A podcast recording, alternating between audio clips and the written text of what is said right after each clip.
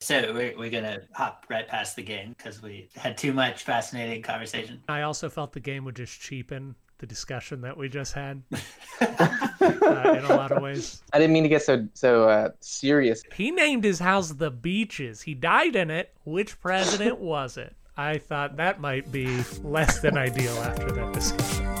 Well, I'm very curious Which- to know the answer now. I am too. Well, I'm not a crook.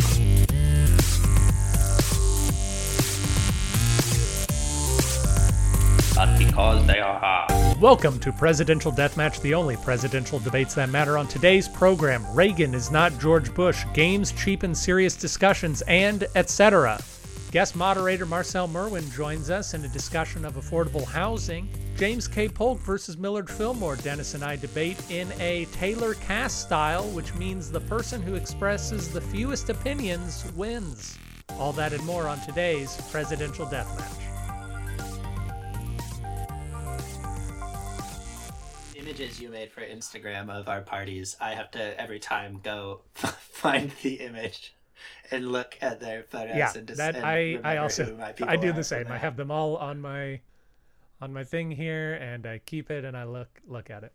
All right dennis we're back with another fun week of presidential hoo-ha. What's it hullabaloo etc etc we're very excited etc. no the etc is very One mustn't forget i the find often yeah i'm listening to a podcast uh, oh i don't know hear about the history of hollywood but really i'm in it for the etc yeah, Uh, yeah, of course. I ha- I don't know that I ever received the last name of our guest, but we're going to talk architecture and presumably housing development uh, with our friend Marcel, our new friend Marcel, Dennis's old friend Marcel.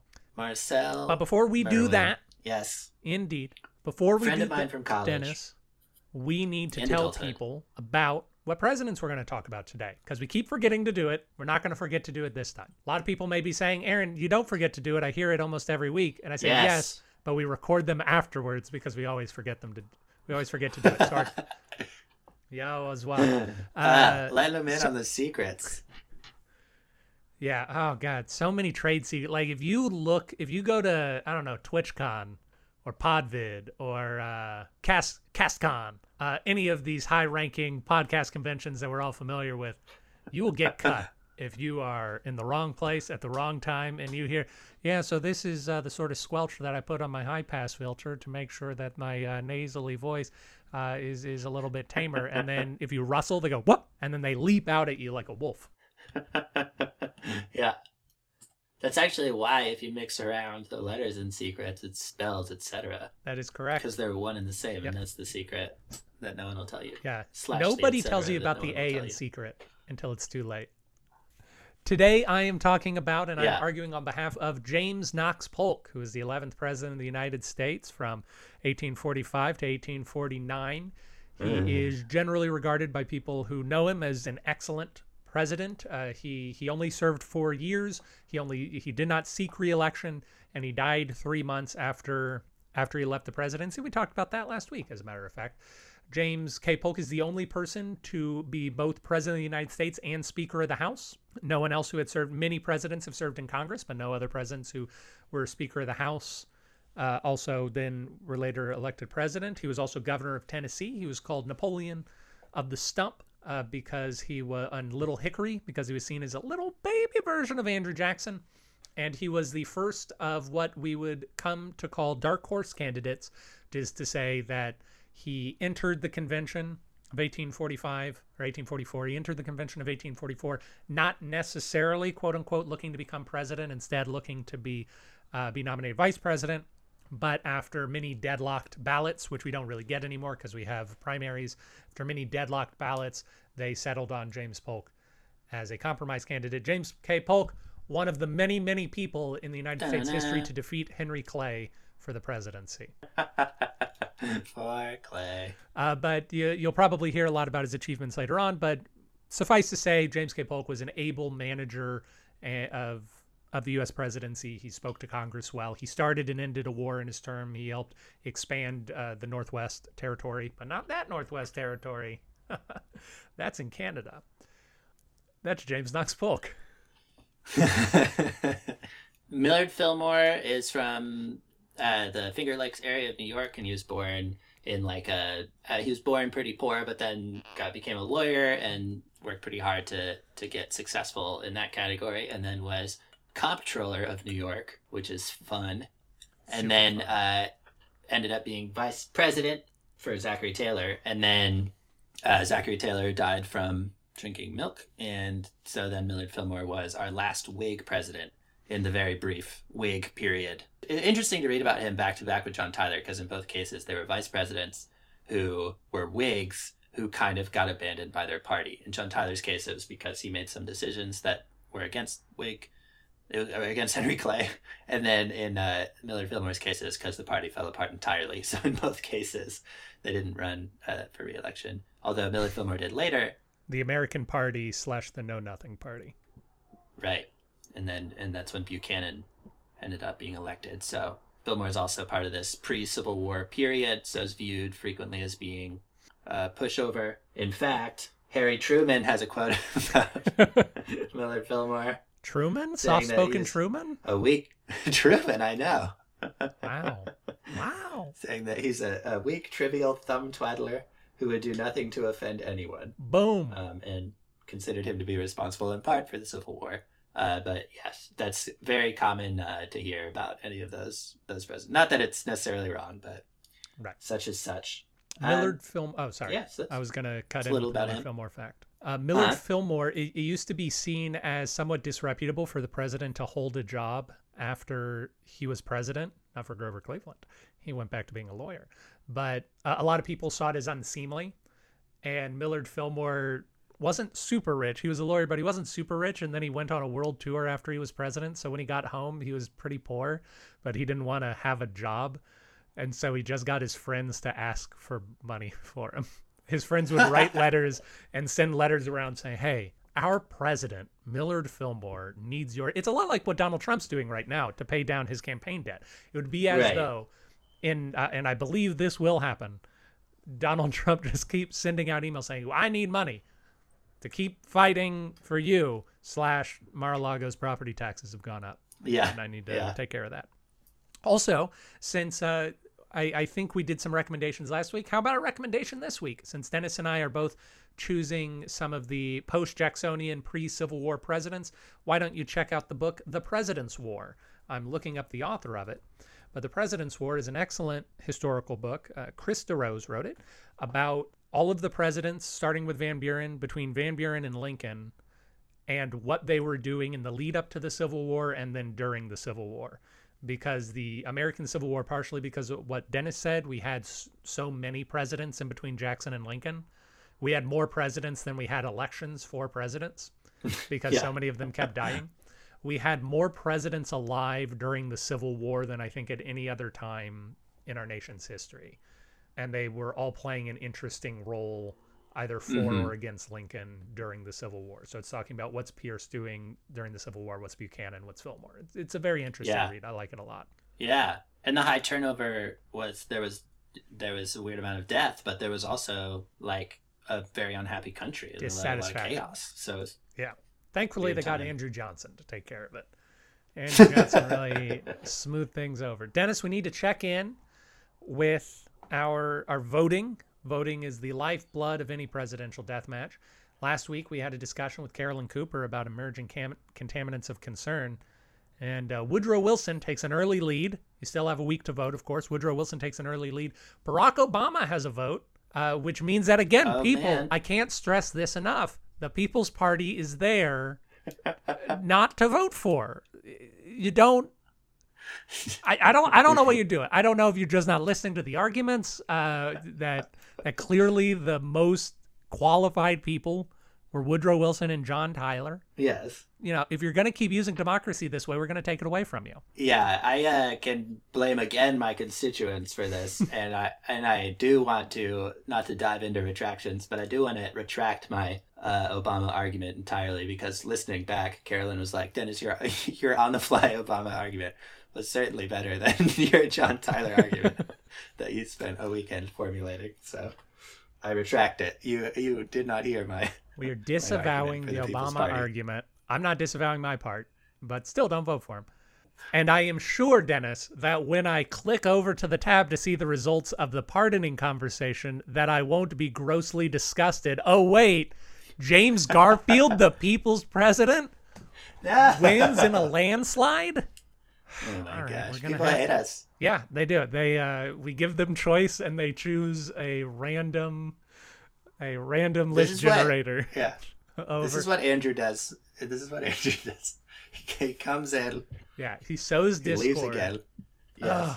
James Garfield is the person you want to pardon your turkey.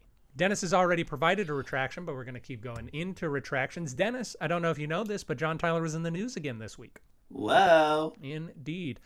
John Tyler, of course, we discussed last week. Listen to last week for more information on him. But John Tyler Community College has unanimously voted to stop being called that. Uh, no word yet on what they are renaming. Uh, James Tyler or John Tyler Community College is a community college in Virginia, right around the area that John Tyler lived. And they have voted unanimously to uh, to change their name. They were a college formulated in the 50s, I believe, if I remember the article correctly, and uh, they they have never received any money from the John Tyler family, as far as we can tell. They merely named themselves after uh, a local celebrity. And what with all of the reckoning around uh, the Civil War, Confederates, etc., they have decided that they do not necessarily want to associate their name with his any longer in the article they talked about many of his descendants and there was a not to not to pump up john tyler at all but there was a, a certain plague like quality in describing all of john tyler's descendants in the article he had a great great granddaughter who's 23 that was quoted in the article as well as a great great grandson who is 76 they noted that he has 100 descendants and the john tyler family 100. 100 living descendants currently good for you johnny Wow. and essentially, the article is just about how do we view John Tyler? Do we view him as a man who is a traitor to his country and an enslaver of people? Do we view him as a principled man who stood up for what he believed in? And unfortunately, what he believed in was betraying his country and enslaving people. And how do we look at his presidency? And that's sort of what the article was about. It is interesting, but not super interesting. The John Tyler family is is doing stuff and they still exist and they hang out together sometimes. I think yeah, it's it's like he is both. It's like he, I remember him as someone who I would not agree with today, but also as, as someone who you know worked their way up to being vice president. So it is both. he did that reading his biography, especially his early tenure as governor of Virginia and senator from Virginia. He does reveal himself to be a very principled guy. He's a guy who resigned positions because he felt that he was being asked to vote. He he felt that the parties were asking him to vote in certain ways that he didn't want to vote. So he Yeah. would vote the way that he wanted and then he would resign.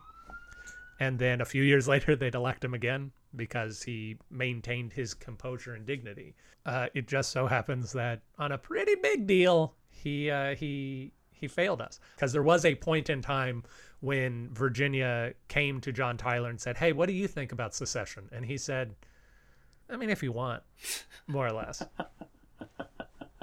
One other retraction towards the end of last week's episode, I briefly brought up Marbury versus Madison, which is a court case. I said many details about it. Some of those details were wrong, but the overall tenure of the argument was correct. So I'm just going to talk about Marbury versus Madison right now. So, Dennis, what do you remember Nice. of Marbury versus Madison from last week? Uh, I'm blanking. I remember it coming up. That's true. So Marbury versus Madison is notable in American jurisprudence because it is the court case that established judicial review, which is the primary power of the Supreme Court, which is to say the Supreme Court has the authority to say that this law is unconstitutional and therefore this law is null and void. Mm. It was created because as around 1800 as John Adams was preparing to leave the presidency had lost re-election to Thomas Jefferson. He nominated a number of people to judicial appointments. I believe last week I said it was uh, mailmen and sort of postmaster appointments but it was judicial appointments judges. And for one reason or another some set of those judgeships were not delivered. When Thomas Jefferson became president, his Secretary of State, James Madison, Ah. Ordered that they not be delivered. He said, no, you don't need to, like, yes, this was made by the previous president. Yes, they were not delivered. Yes, they should have been, but no, do not deliver them. And in that way, theoretically, Thomas Jefferson was blocking the constitutional and legally valid appointments that John Adams had made on his way out. One of these Classic Jefferson. classic Jefferson, one of these Classic men, American president. yeah, quite frankly. One of these men, William Marbury, who had been promised a judgeship, said, No, I was supposed to get it. They're not allowed to not deliver it. He sues James Madison. And in another classic American, just really ridiculous classic American thing, the Supreme Court said, uh, number one, yes, you're right. He was not allowed to stop it. Number two, we are allowed to say that that is true. We we can we can look at the laws we have to. But number 3, the federal court is not the appropriate place to file this suit. That would instead be state court, so we're not actually going to make you a judge. We're just going to say that it he wasn't allowed to stop you from being a judge. But if you want to become a judge, you're going to have to sue somebody else in state court. And that is Marbury versus Madison. A very Ah. special American legal case. It can be tricky to screw over a judge in a legal way.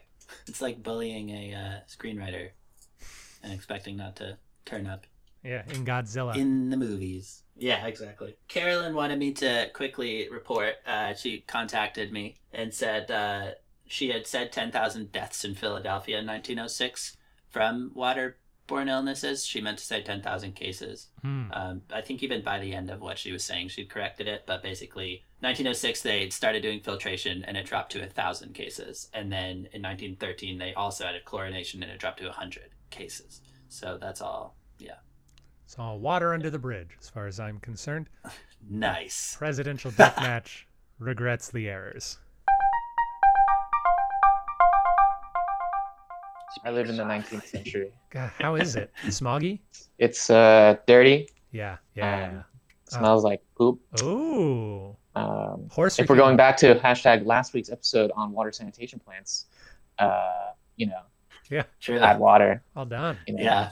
Buttering up. I, I almost suggested that this week we should also do water sanitation plants and just see what would happen. One level deeper. yeah. Yeah. Uh, I know Carolyn said what she wanted to say on water sanitation, but I think I, eh, I'm gonna put a bit of my own spin on it. You know, I'm no expert, but I've read a book. I've read a book. All, all right. Oh God, we're already starting this interview off hostile. We are here with hostile witness Marcel Merwin to talk about affordable housing. Marcel, how are you doing today? Oh, I am great. Thanks for having me. It's uh, it's certainly a pleasure. Uh, we, I am going to claim that you are the universe's foremost authority on affordable housing. Would you like to confirm or deny that? I will do no such thing. All right, thank you. I, I appreciate. We always appreciate taking the fifth here on this. Yes, podcast. as I learned recently. all amendments are valid, including the 19th Amendment. If you want to ban Dennis and I from drinking on the podcast, you can do so. uh, but Marcel, you are uh, an architect, or you've studied architecture. You wanted to talk about affordable housing. Why did you want to talk about affordable housing today? Uh, well, I think affordable housing is uh, very relevant right now in our sort of crisis as people start to reach a point of eviction and loss of income and all that sort of stuff.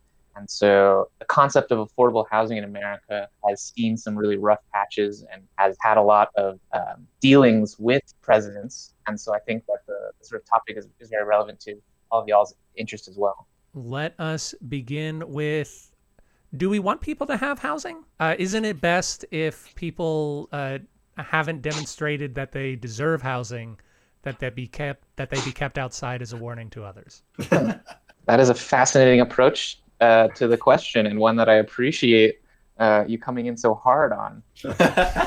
What what is government's role in providing uh, affordable housing, or if you want to tackle this instead of from a policy perspective, which you are not a government official, but you want to instead approach it from an architectural perspective, what sort of things can be done to make housing more affordable for people who may need it? Sure.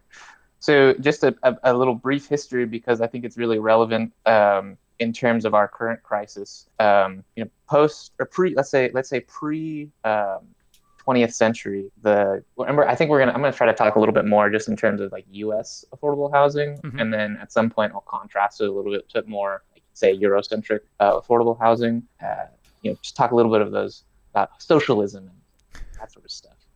Um, Ooh.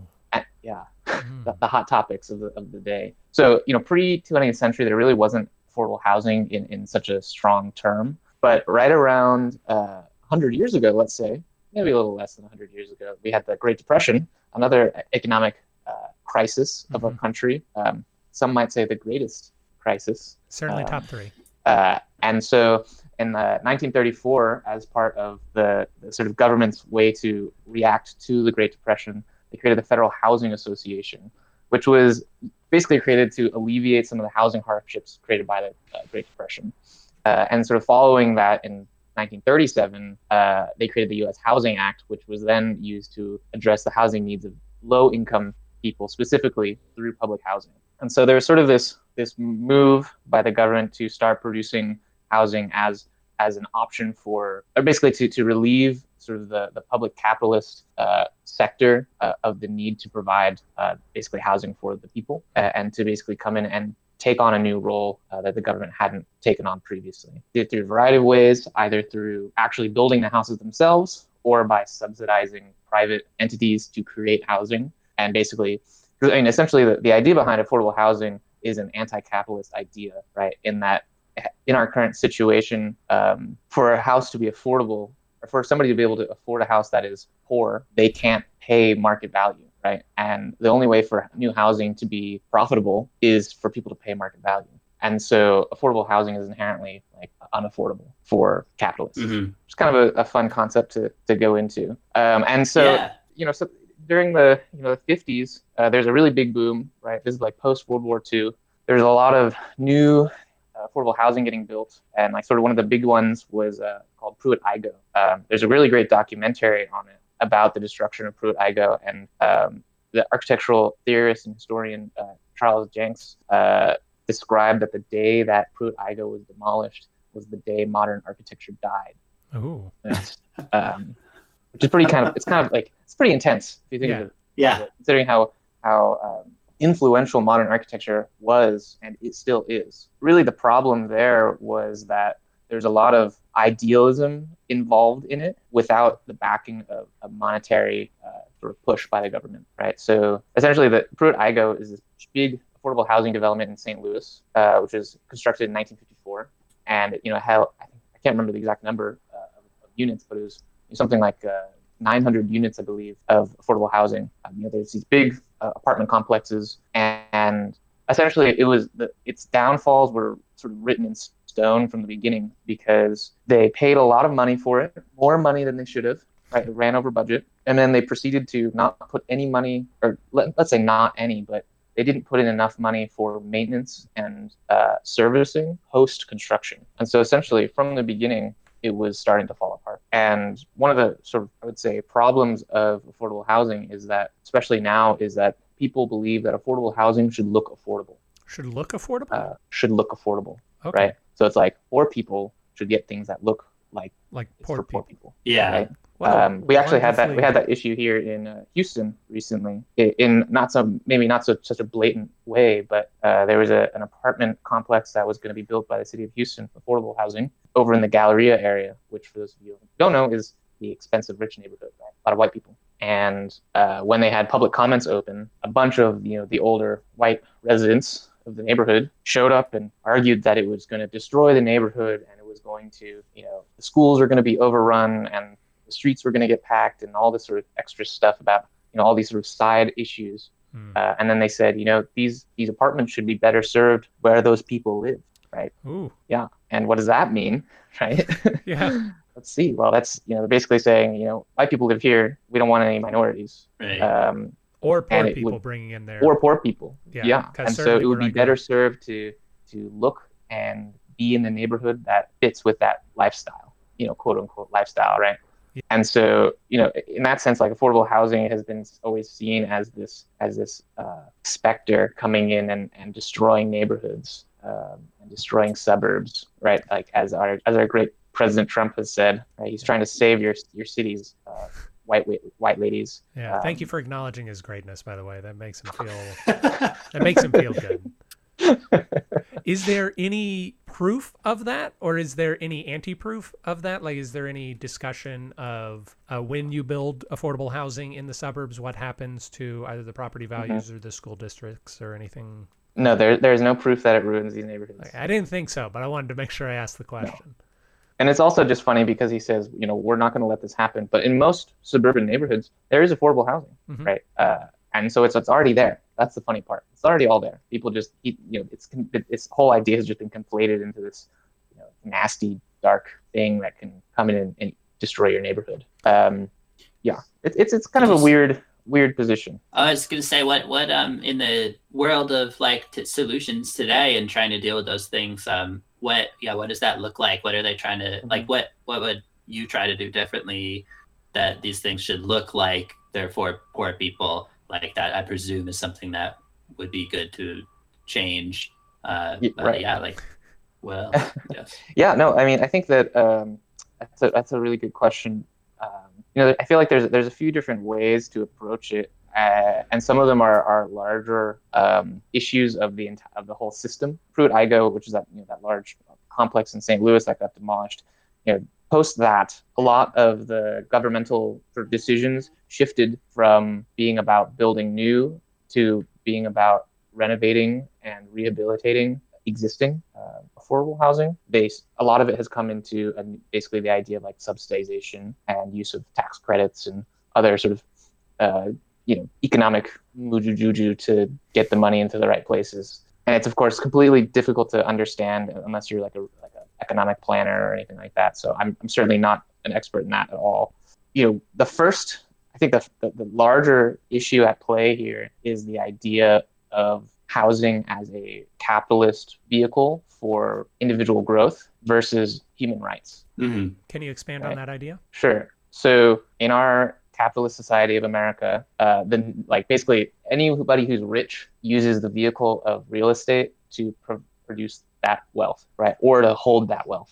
Yeah, or right? lock it in with property. And lock it in, and so it, it's built into our ideals as a country of the American dream. This idea of the, the lawn and the white picket fence as the goal, right? And obviously, you know, as as young, perhaps like liberal people, right? Maybe our, our values are different at this point, but there are still a large majority of people in our country who believe that the, the goal of ownership, of home ownership, as a method of success and as a metric of success is still there. Right? That's mm-hmm. that's still, I think, the number one metric for many people's success is home ownership, and it's often also looked at as a way to provide a um, you know basically income and security in their future, right? Once they retire, right? You own your home, you can't get kicked out. That's the idea. Right. Um, obviously, we figured out that was wrong during the 2010, you know, 2008 housing crisis, in which everybody, you know, double mortgaged their houses and then got totally, you know, ruined by society. So that was clearly a falsehood. But even so, even with that in mind, people still believe in it. And so I think that there's there needs to basically be a, a systematic shift in terms of that, this idea of housing as um, a vehicle for wealth creation into housing as a right and as a method for people to simply be alive, right? and to be so, prosperous. Yes. Because if you're not worried about shelter, you can become worried about gainful employment or something else. Exactly. Exactly. There's a number of methods that people are sort of approaching it with. One of the methods right now in Houston is the idea of the Community Land Trust or CLT. This is basically a, a program in which an entity, a nonprofit entity, or perhaps the city in some cases, owns the land that a house is built on, right? And mm-hmm. so basically, by owning the land, they are able to sort of control a lot of the metrics that go into and are involved in home ownership. Um, so basically, what happens in just a very in a nutshell, right, is that a this company, this this organization owns the land. They then sell their rights to build on the land to a person or to a company or something like that. They then build a house on that land. That person then owns the house, but then there are basically uh, a series of guidelines and requirements in terms of what they can do with it long term, right? So like they, they have to stay in it for a certain number of years. Um, they're only allowed to sell to a certain type of person uh, based on like income and things like that. Right. Um, and they're only allowed to gain a certain return on their investment, right? So, you know, for a lot of people, right, their, their whole thing is like, oh, maybe I'll buy in like a low neighborhood and then it'll gentrify and suddenly I'll make 500% of my uh, investment, right, in 10 years or something, or 20 years. The idea behind this is you basically say, no, your cap is 2% Yeah. for you know, inflation, essentially. Right? And the idea is basically you're taking out the capitalism of ownership, and the speculation as well And as the speculation. desire to hold on to a uh, a a property in this case a literal property that you may not need in the hopes of gain later on Exactly. And so it's the idea is basically just trying to shift the the idea behind ownership and why do you do it, uh, Mhm. which I think is really important. Uh, and I think it's it's it's weird because in some way uh, I am a hypocrite because I do own a house uh, and it is in a neighborhood that is probably gentrifying. It is gentrifying, and I'm probably gonna make some money on it. But the intent for this, at least for me, was more about stabilizing an existing house that I believe was going to be torn down. Uh, and so the idea is basically to save existing housing stock from being replaced by double the cost or you know whatever new stuff it is. so and that's also like that that's exactly the sort of thing where it's like this is why it's great to create a financial incentive to uh to not you know have developers come in be, just because of the enormous like profits that they could get by turning something around it's because because like if the financial incentive is there like it's going to happen. And so you're, you're so like you need to remove it. I guess then the the tricky thing is like are we then slowing down like the market in some ways? It could have like a negative impact if that happened across the whole nation um, Right. that kind of thing. But it's like a i think it's a really interesting i've never heard about that. I think it's a really cool idea. And so the to to basically the the argument behind that, and I've you know that is a really good that I think a lot of people are making is if if there's no incentive, no no capitalist incentive, why would people do it? Uh, which is I mean super valid. Why would people do it? Why would people put their money into something except for like a purely altruistic sort of idea? Uh, why would they do it? And so in many countries, uh, and like one you know uh, one example is in Denmark. Denmark as a country, as a government, owns something like 30 to 40 percent of all housing stock. So basically, they've become the idea is basically to shift it from being a private enterprise and into a public enterprise, right? If if your if your landlord is not a for-profit entity, then there is no need for profit. So in the sense of the government, right? If the government is there to provide for the people, then they can provide housing. Uh, and so, you know, as, as an example, right, in, in Denmark in 2008, they basically created this housing first policy, uh, which is this is specifically more for um, in terms of like homelessness, where essentially the idea is that Denmark provides public housing, affordable housing to everybody. There, there's no limits, uh, and the idea is that first and foremost, it's housing. It's not treatment. So like in America right now, a lot of the programs, like uh, if you go to shelters or anything like that, it's treatment first, right? So there's there's limitations like you can't be on drugs, you can't be drinking, you know, X, Y, or Z, right? There's limitations. So the idea is is based on this idea or the theory that um, housing instability causes many of those problems in the first place, not the other way around, right? So if you stabilize a person who's in distresses um, housing first and provide them a stable location for them to feel comfortable and at home, it then takes out a lot of the metrics that and the, the issues and destabilizers that cause homelessness and you know alcoholism and, and drug abuse and all that sort of stuff in the first place. And so it's sort of that that immediate access to permanent housing provides that extra level of support. And so I think like affordable housing in other countries is a little different in that oftentimes the the kind of people who are in affordable housing in, in Europe are there because of more like things like alcoholism or drug abuse rather than in the US where a large portion of homeless people are in are homeless or unhomed because of poverty Hmm. and economic distress, um, which I think comes directly out of this idea of a capitalist basis for housing. That's very interesting, Marcel. Is there anything that a person listening to this can do to help advance this issue o- outside of voting for particular people? Uh, participate in your neighborhood. A large part of it comes out of what's being built around you. Um, and so one of the things that uh, you know, I mentioned that that uh, apartment complex in the Galleria uh, that the neighborhood was fighting against. hmm Um, the reason that it was stopped and they you know that neighborhood was successful at stopping that apartment complex from being built. The reason it was stopped was that they were able to go to the meetings Right. and they were able to comment and basically tell the city that they don't like it. Obviously, you know, when you're rich and white and retired, you have a lot more time to go to meetings in the middle of the day. Um, and that's one of the big problems, right? Is that the people that it directly affects just don't have the time. Yeah, partially because of that economic distress keeps them not nearly as flexible in terms of managing their time. Exactly. Exactly. Yeah. So the listeners of this podcast, you know, probably are not unhomed. You know, they're probably Largely. listening to this in a home right now. So that home is probably uh, in a place where you're surrounded by other buildings and other apartments and other locations that are being redeveloped and, and uh, rehabilitated and renovated all the time. And all of that stuff, at least when it gets to a certain scale, requires public comment. Um, and the city will post about that. And you can go in and you can air your grievances about those projects. Um, and you can talk about why it's important to do one thing or the other. You know, I'm not going to tell you which way to go, but if you start building in that relationship of you to your neighborhood and you begin thinking that your voice matters, you can actually change things uh, because the city does listen. Because not enough, really honestly, most of the time, the reason that things get voiced and the reason that the city changes its mind on things is because somebody came in and uh, rallied their people to come talk at one of these things. Whether that's a good thing or a bad thing, you know, who knows? Depends on the project. But you know, surprisingly, sometimes government does work. Uh, well, on that positive note, we will take a short break, and then when we come back, we are going. Uh, Marcel is going to moderate a discussion on which president would be the best affordable housing. Welcome back to Presidential Deathmatch. We are about to have a debate on which president would be the best affordable housing. Dennis has chosen, Millard Fillmore. and I have chosen James K. Polk. All right. So Millard Fillmore was president uh, in the time. He was a Whig president in the time lead, leading up to the Civil War. Uh, he fought the Union Army during the Civil War. So uh, if we were to copy paste him into today's times, I feel like there's a chance that he would have been good at considering one of the largest issues from what I looked at with with this stuff, uh, which is that like it's very hard to be equitable um, when, when doing affordable housing because of the way that people will try to live with people just like them, and they'll get very upset when it's not happening.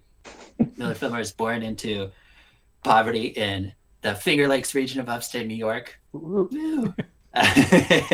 Uh, this- yeah, um, and uh, and was kind of self-made lawyer and stuff. So I think really uh, would understand uh, how that's something that when people are given the opportunity, it's something they can do for themselves. Um, and so he would want to make sure that they had that that that land that they need, that property, so that they can uh, get on their feet and, and be scrappy and make things happen. He was also, when he was in the House of Representatives for the U.S., he was uh, head of the Ways and Means Committee, which is the committee that handles the money, a lot of like taxes, tariffs, things like that. Also that um, uh, does Social Security and Medicare, and I'm not sure if they do the this. I don't know. I don't know, but I feel like he's really in the right mindset to uh, to be able to handle that kind of stuff. And then uh, I'd also say that I think it could be interesting because he was a vice president and a Whig, and then the Whigs fell apart while he was president. Um, and before that, uh, too, he was in another party, and then he was in another party later. He he seems to be someone who kind of lives out of party system, uh, which I think puts him in a good position because looking at this history too, uh, it's really flip flopped all over the place, and also been something that people think that they could take advantage of for representing Republican ideals and stuff like that, and that he'd be on the other side of that. All right. Well, I'm going to take a slightly different tack. James K. Polk, of course.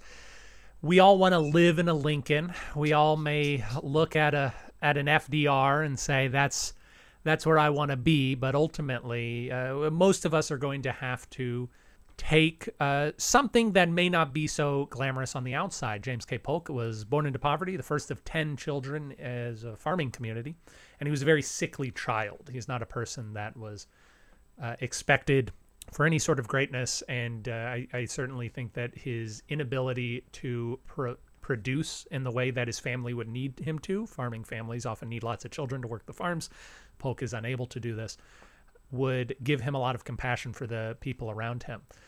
James K. Polk served as the chairman for the Ways and Means Committee in Congress, and I've heard recently somewhere some value in the Ways and Means Committee, so I'm just going to put that out there.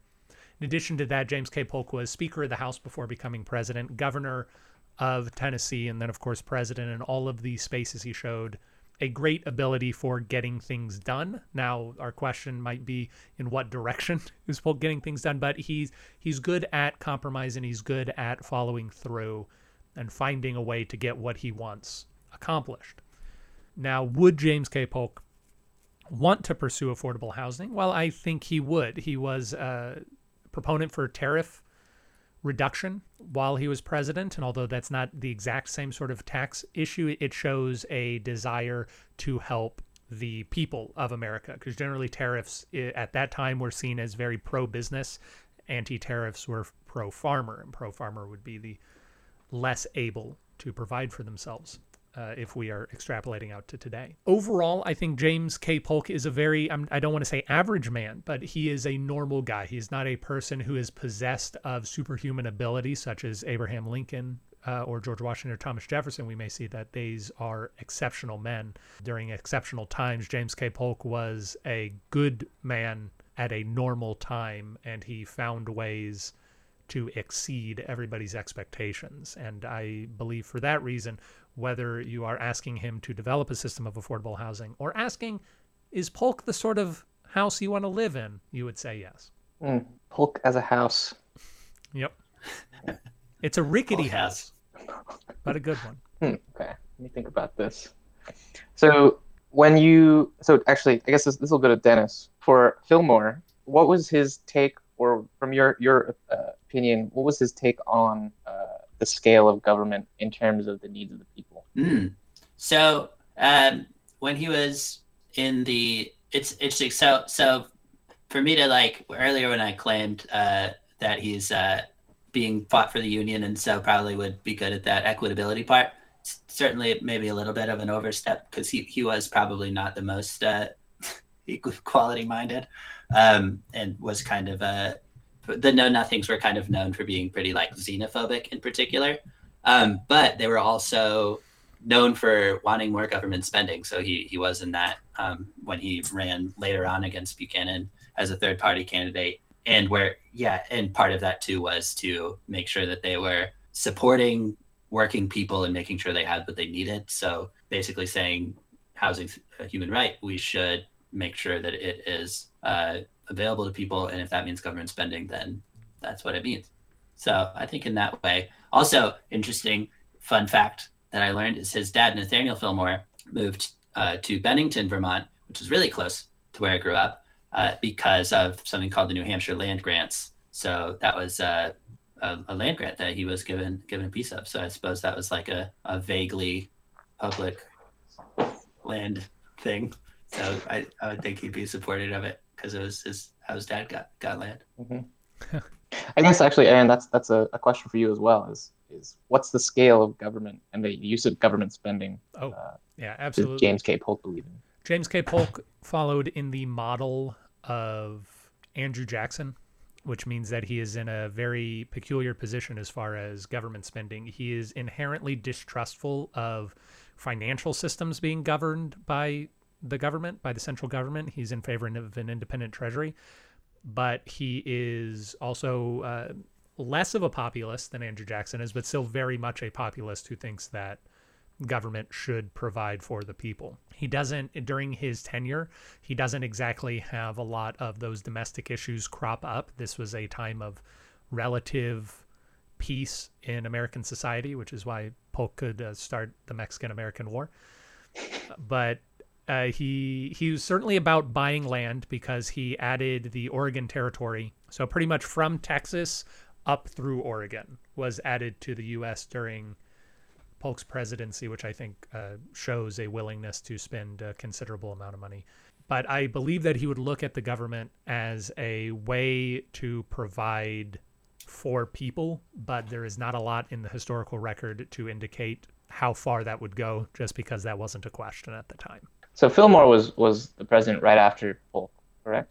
In the same term, about a year and a half after Polk. Yeah. Wait, who's in between? Zachary so, Taylor. Zachary Taylor dies, and Fillmore fills out Taylor's term.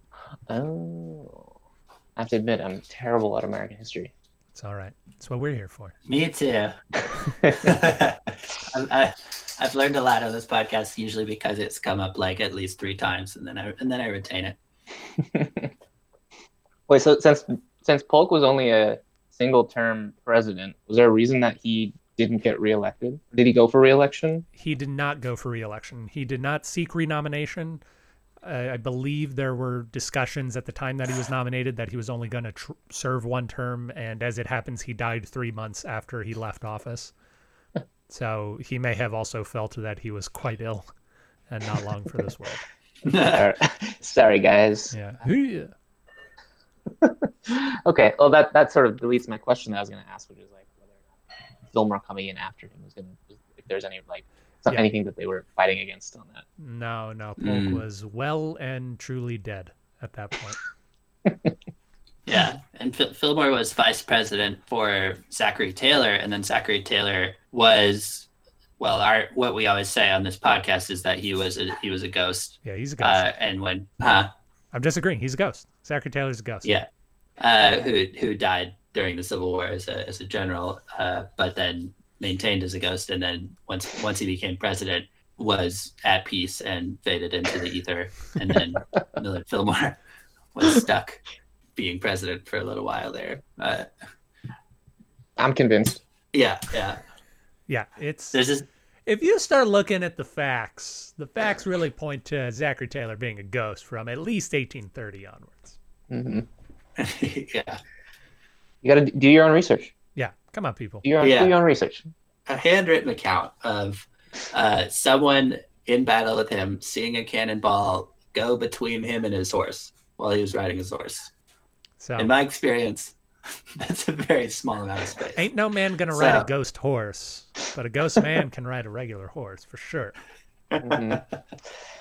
Rectangles and squares. yeah, so that was a nasty surprise for Millard when Zachary Taylor let him know real late that he was actually phantasmic and planned on fading away. And Millard was like, I didn't want to be president. Although he probably did. He was very scrappy and, and kind of a, ladder climber for sure. And I mean, was also, as we saw him, he run later again for president against Buchanan, which was a, a lucky loss for him. really dodged a bullet there, unlike Zachary Taylor, who bullets just went through because um, Buchanan was the last president before the Civil War broke out, before Lincoln. So he's remembered as being right. pretty much just the worst. But Mill- Millard Fillmore is not super well remembered either. But but at least he wasn't president right then. Yeah, I, I when you when you sent his name, I thought, hmm, I'm gonna have to believe that he's president. well, then I might be able to interest you in President Hughes. So, President Charles Evans Hughes, our 23rd. Exciting. A deep dive into America. Hmm. What happened to them post? Well, obviously, well, Polk died. Polk died, so there's not much there. What happened to Fillmore post uh, presidency? Yeah, I do think it's interesting because it seems like from our conversation, one of the things with affordable housing is that it can't be thought of as uh, a one and done project because uh, that'll just lead to it not being maintained and uh, it really has to be. It has to be an ongoing thing. Um, and Millard Fillmore, yeah, he he was a he was a worker up till when he was president, and then after that, as I mentioned before, was president again, and then uh, went at, after that kept on uh, getting people to make money for him, as Aaron and I were talking about before you hopped on, mm-hmm. and uh, also uh, was uh, one of the founders of the University of Buffalo and was chancellor there in his post presidency. So uh, kept chipping away for sure, and I think recognized that uh, his legacy was something that would take uh, continual continual maintenance until he, he left us. Indeed. This is a tough. This is this is a this is a tough uh, tough question of as well. Perhaps better affordable housing. I can introduce the People's Party, and we can interrogate his career and see if that uh, helps you out at all. The People's Party, who is of course managed by random.org slash lists, chose George H.W. Bush ah. as their candidate for affordable housing. I have uh, taken the liberty of just reading a little bit because it might be easier with a topic like this to talk about what he did.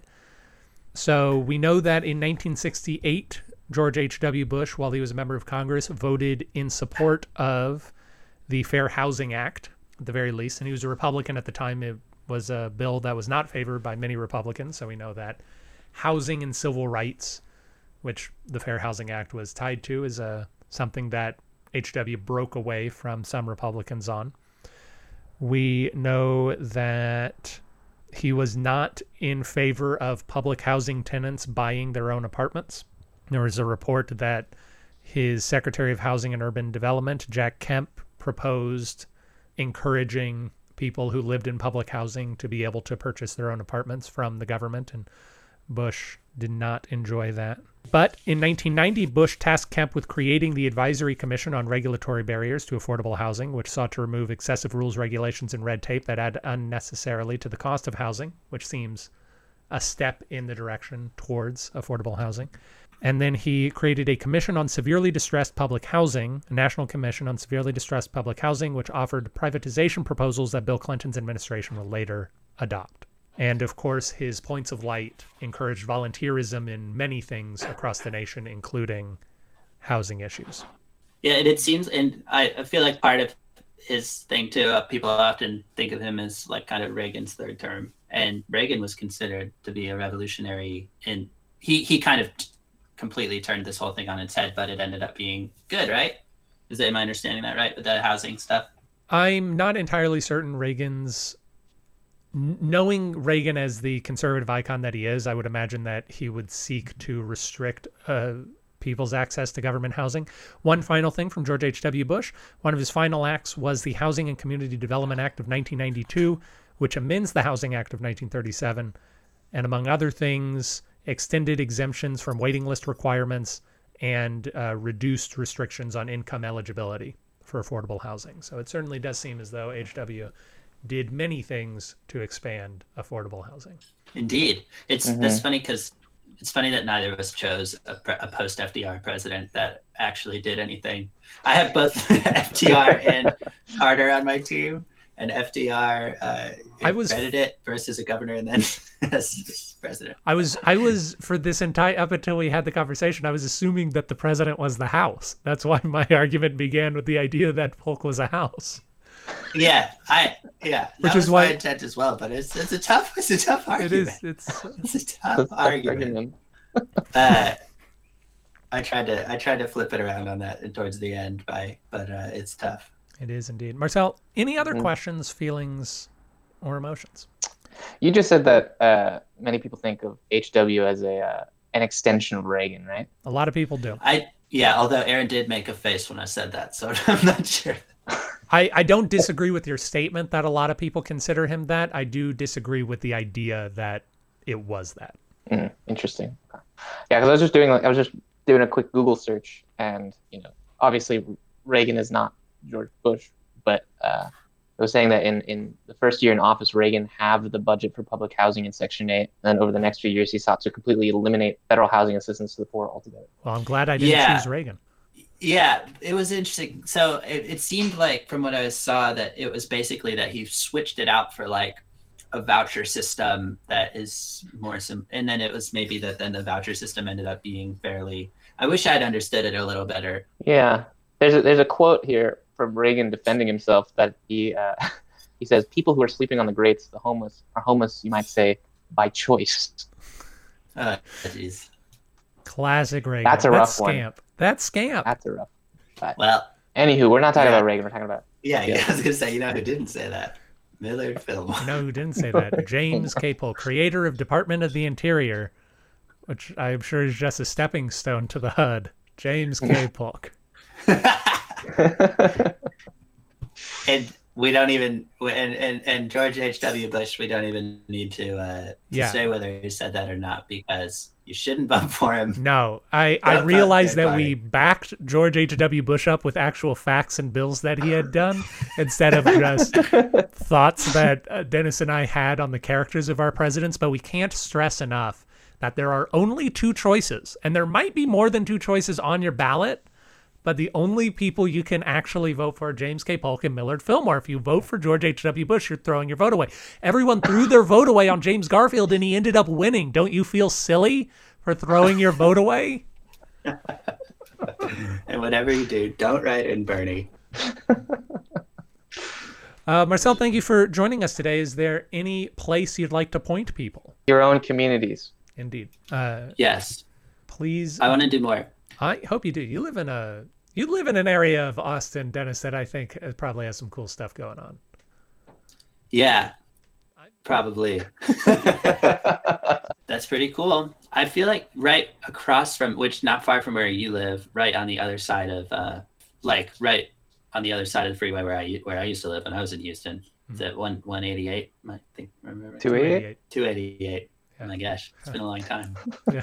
Was like a historically uh, Jewish area, so there's like mansions all the way down this one street, and you're like, it's kind of weird because we're like not near anything, but it was like way back in the day when things were were really really quite quite segregated. It was like the historically Jewish wealthy neighborhood, Well, there we go. which I thought was interesting. Marcel, thank you for joining us to have this fascinating conversation on affordable housing. Everyone, please listen next week when we are hoping to talk about which president would throw the best murder mystery party. We're really throwing up the tone in between in between these two episodes. and as we uh, as we approach the holidays, please, everyone, have a safe and fun time. This is Aaron Garrett saying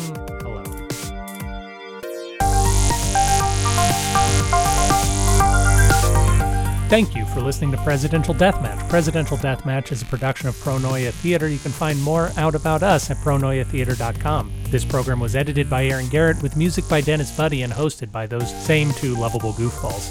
You can always email us at contact at pronoiatheater.com. If you enjoyed the program, we ask that you rate and review wherever it is you found us. It really helps us out. And if you didn't like the program, why don't you stick around? We really grow on you.